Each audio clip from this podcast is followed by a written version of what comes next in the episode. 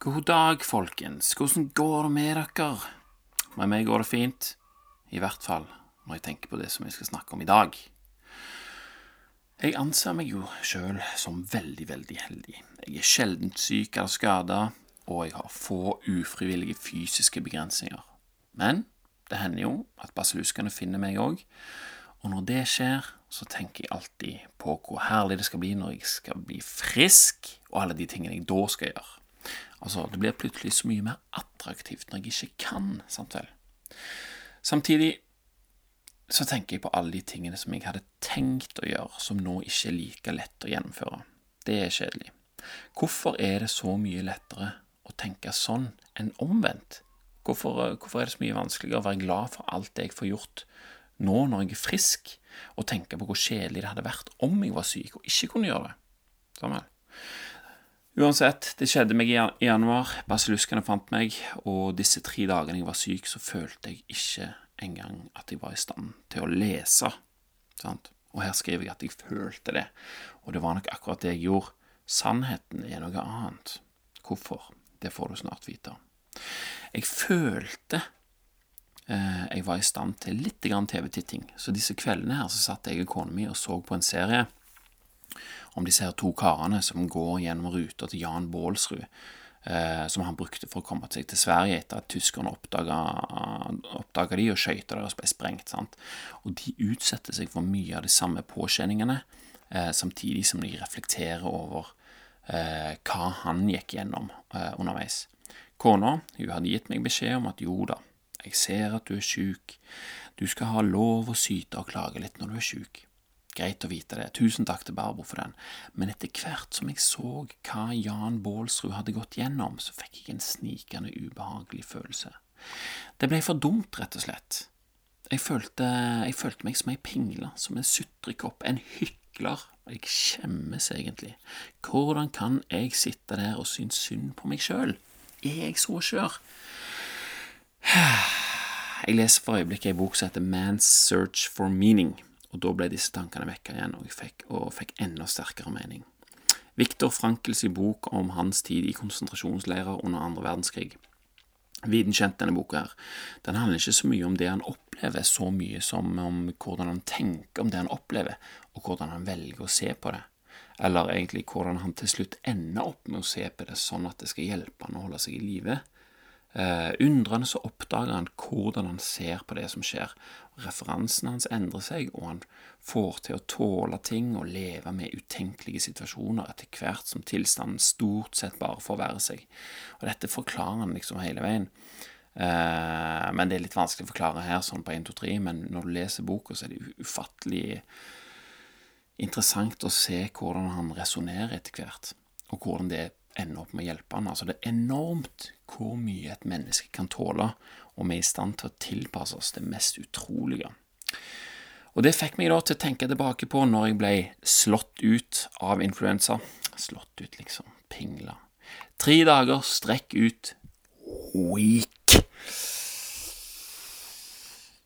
Det er godt å kunne være syk når en er syk, slippe å måtte bygge jernbane i bitende kulde uten skikkelige klær og sko, selv, selv om det føltes som om jeg ikke var i stand til verken støvsuge eller mukke snø, eller gjøre de mest eh, gjemslige tingene, så var jeg mest sannsynlig i stand til begge deler, og det som er tusen ganger mer krevende enn å støvsuge og mukke snø.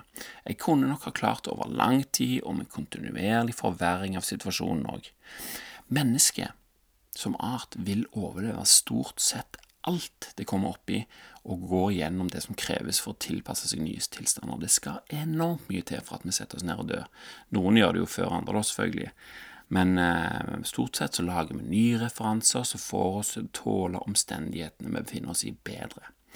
Millioner av mennesker, øh, hvis ikke milliarder, har klart seg gjennom det utenkelige. Og det betyr at òg jeg, som er et menneske, ved rask eller sakte forverring av min situasjon, kunne tålt enormt mye, like mye som de som var i konsentrasjonsleir. Hæ? Kunne jeg virkelig tålt så mye som de som var i konsentrasjonsleirene? Det er jo egentlig en, for meg en ubegripelig tanke. Sjøl om det virker helt utenkelig i utgangspunktet, så er det jo egentlig ikke noen grunn til å tro at jeg vil klare meg noe dårligere enn gjennomsnittet. Nå var det jo kun de aller, aller sterkeste som overlevde, da. Jeg ville jo kanskje ha dødd, men eh, jeg ville jo klart å tilpasse meg situasjonen noenlunde. Det var jo like utenkelig for de menneskene som opplevde det under andre verdenskrig, som det er for meg nå. Sant vel? Og det samme gjelder for alle andre utenkelige, umenneskelige situasjoner. Etter influensarunden min med Jan Baalsrud i bakhovet, så har jeg tenkt en del på dette her. Og stakkars de som jeg møtte som var enten syke eller på andre måter hadde skada seg i den perioden. Intetanende har de fått mine dømmende tanker og blikk sendt sin vei. Så har jeg stått der og sett jeg kikt på dem sånn med litt sånn uh, myseøyne, litt sånn Herregud. Dette her er jo ikke noe å klage over. Vet du ikke at Jan Baalsrud lå dagevis under en stein i fjellet i en våt sovepose og prøvde å spise melkepulver rett fra boksen? Skjærte av seg sine egne tær og greier, altså. Hva for en slags representant er du for menneskeheten? Dette her syns jeg er morsomt. Altså, det er lett å tenke sånne ting når, har, når, jeg har for meg et eller annet. Sant? Jeg mener det jo ikke, men jeg koser meg med tanken, og så ler jeg litt av meg sjøl og inni meg eh, når jeg gjør sånn som det. Det er veldig morsomt å tenke på ting som andre ikke vet at jeg tenker over. Men det er òg eh, nyttig å se, liksom, en gang jeg ser det eh, en annen, og jeg på en måte dømmer han da, enn om det, er, om det er ekte, eller om det er humoristisk så vil det føre til at jeg er i skal vi si, bedre stand til å skjerpe meg sjøl når det er noe, noe, som skjer med meg. Så tenker jeg aha, jeg tenkte det om han når jeg så han. Da kan jeg ikke oppføre meg på den samme måten som jeg dømte han for, på et vis. Er du med? Jeg kan jo ikke forvente at folk skal tåle like mye som Jan Baalsrud. Altså, vi har det jo så godt sånn vi lever i dag. Våre referanser er helt i en annen liga. Og den driven som disse folkene har, som opplever krig og andre ekstreme tilstander, er jo noe eh, vi som ikke har opplevd det, kun kan spekulere i om vi i det hele tatt forstår konturen av. Altså, Det holder ikke å tenke tilbake på den gangen jeg frøys på vei hjem fra skolen, eller var så syk at jeg ikke kunne se på TV. Altså, det, det, blir så blåbær i forhold. Men det jeg kan gjøre, derimot, det er jo å tenke på hvordan jeg kan bruke andres opplevde lidelse til å øke min egen følelse av glede i dårlige situasjoner. Kanskje òg til og med middelmådige situasjoner, og få de bedre. Jeg kommer ikke på dette her sjøl, men jeg pleier å si at nøkkelen til et lykkelig liv er lave forventninger. Den bruker jeg ofte. Jeg synes den det òg var en sånn ting som jeg ikke forsto helt til å begynne med, men etter hvert som eh, jeg fant flere referanser som passet til det, så, så, har jeg begynt å bruke det mye, og det, det er veldig greit, egentlig. Kan jeg senke eh, forventninger til min egen komfort, og deretter oppleve det faktiske på en mer komfortabel måte? Hmm, sant vel. Hvis jeg ser for meg hvordan jeg har det nå, og så ser jeg for meg Jeg kunne jo hatt det sykt mye dårligere. Da vil jeg plutselig, plutselig føle at jeg har det bedre. For eksempel, jeg syns jo stort sett at det er ok å måke eh, snø. Selv om det noen ganger uh, så syns jeg det er kjipt. Det er kjipt å måtte måke snø når jeg ikke er helt klar for det, når det passer dårlig. Men det blir ganske mye mer overkommelig når jeg tenker over at jeg slipper å gjøre dette her barbeint etter kun å ha spist suppe og brød flere år i forveien, sånn som de konsentrasjonsfolka. Og de gjorde dette dag inn og dag ut, ikke bare 20 minutter om morgenen. Det er ganske mye digg når jeg begynner å tenke på det. Ikke bare er jeg mett, jeg har varme sko og en god spade, og jeg slipper òg å bli ydmyk og skamslått underveis.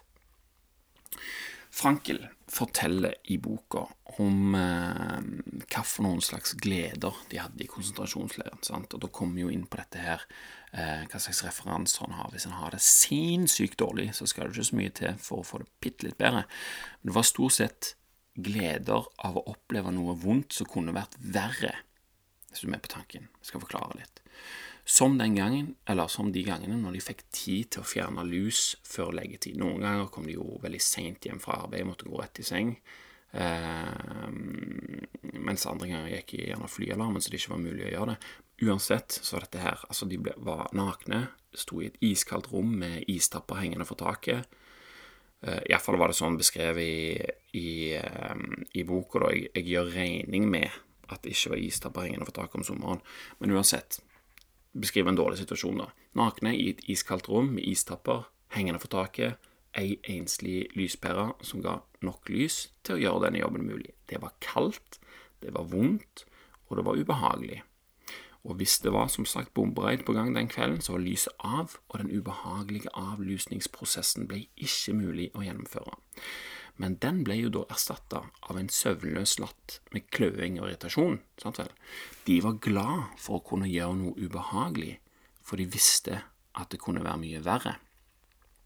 Og for eksempel når de sto og gro grøfter i leiren, så kunne de bli glad Altså, de hadde jo helt jævlig mens de gjorde det, men de kunne bli glad av å se at noen andre marsjerte av gårde, for da visste de at de skulle gå flere kilometer før de kunne begynne å jobbe.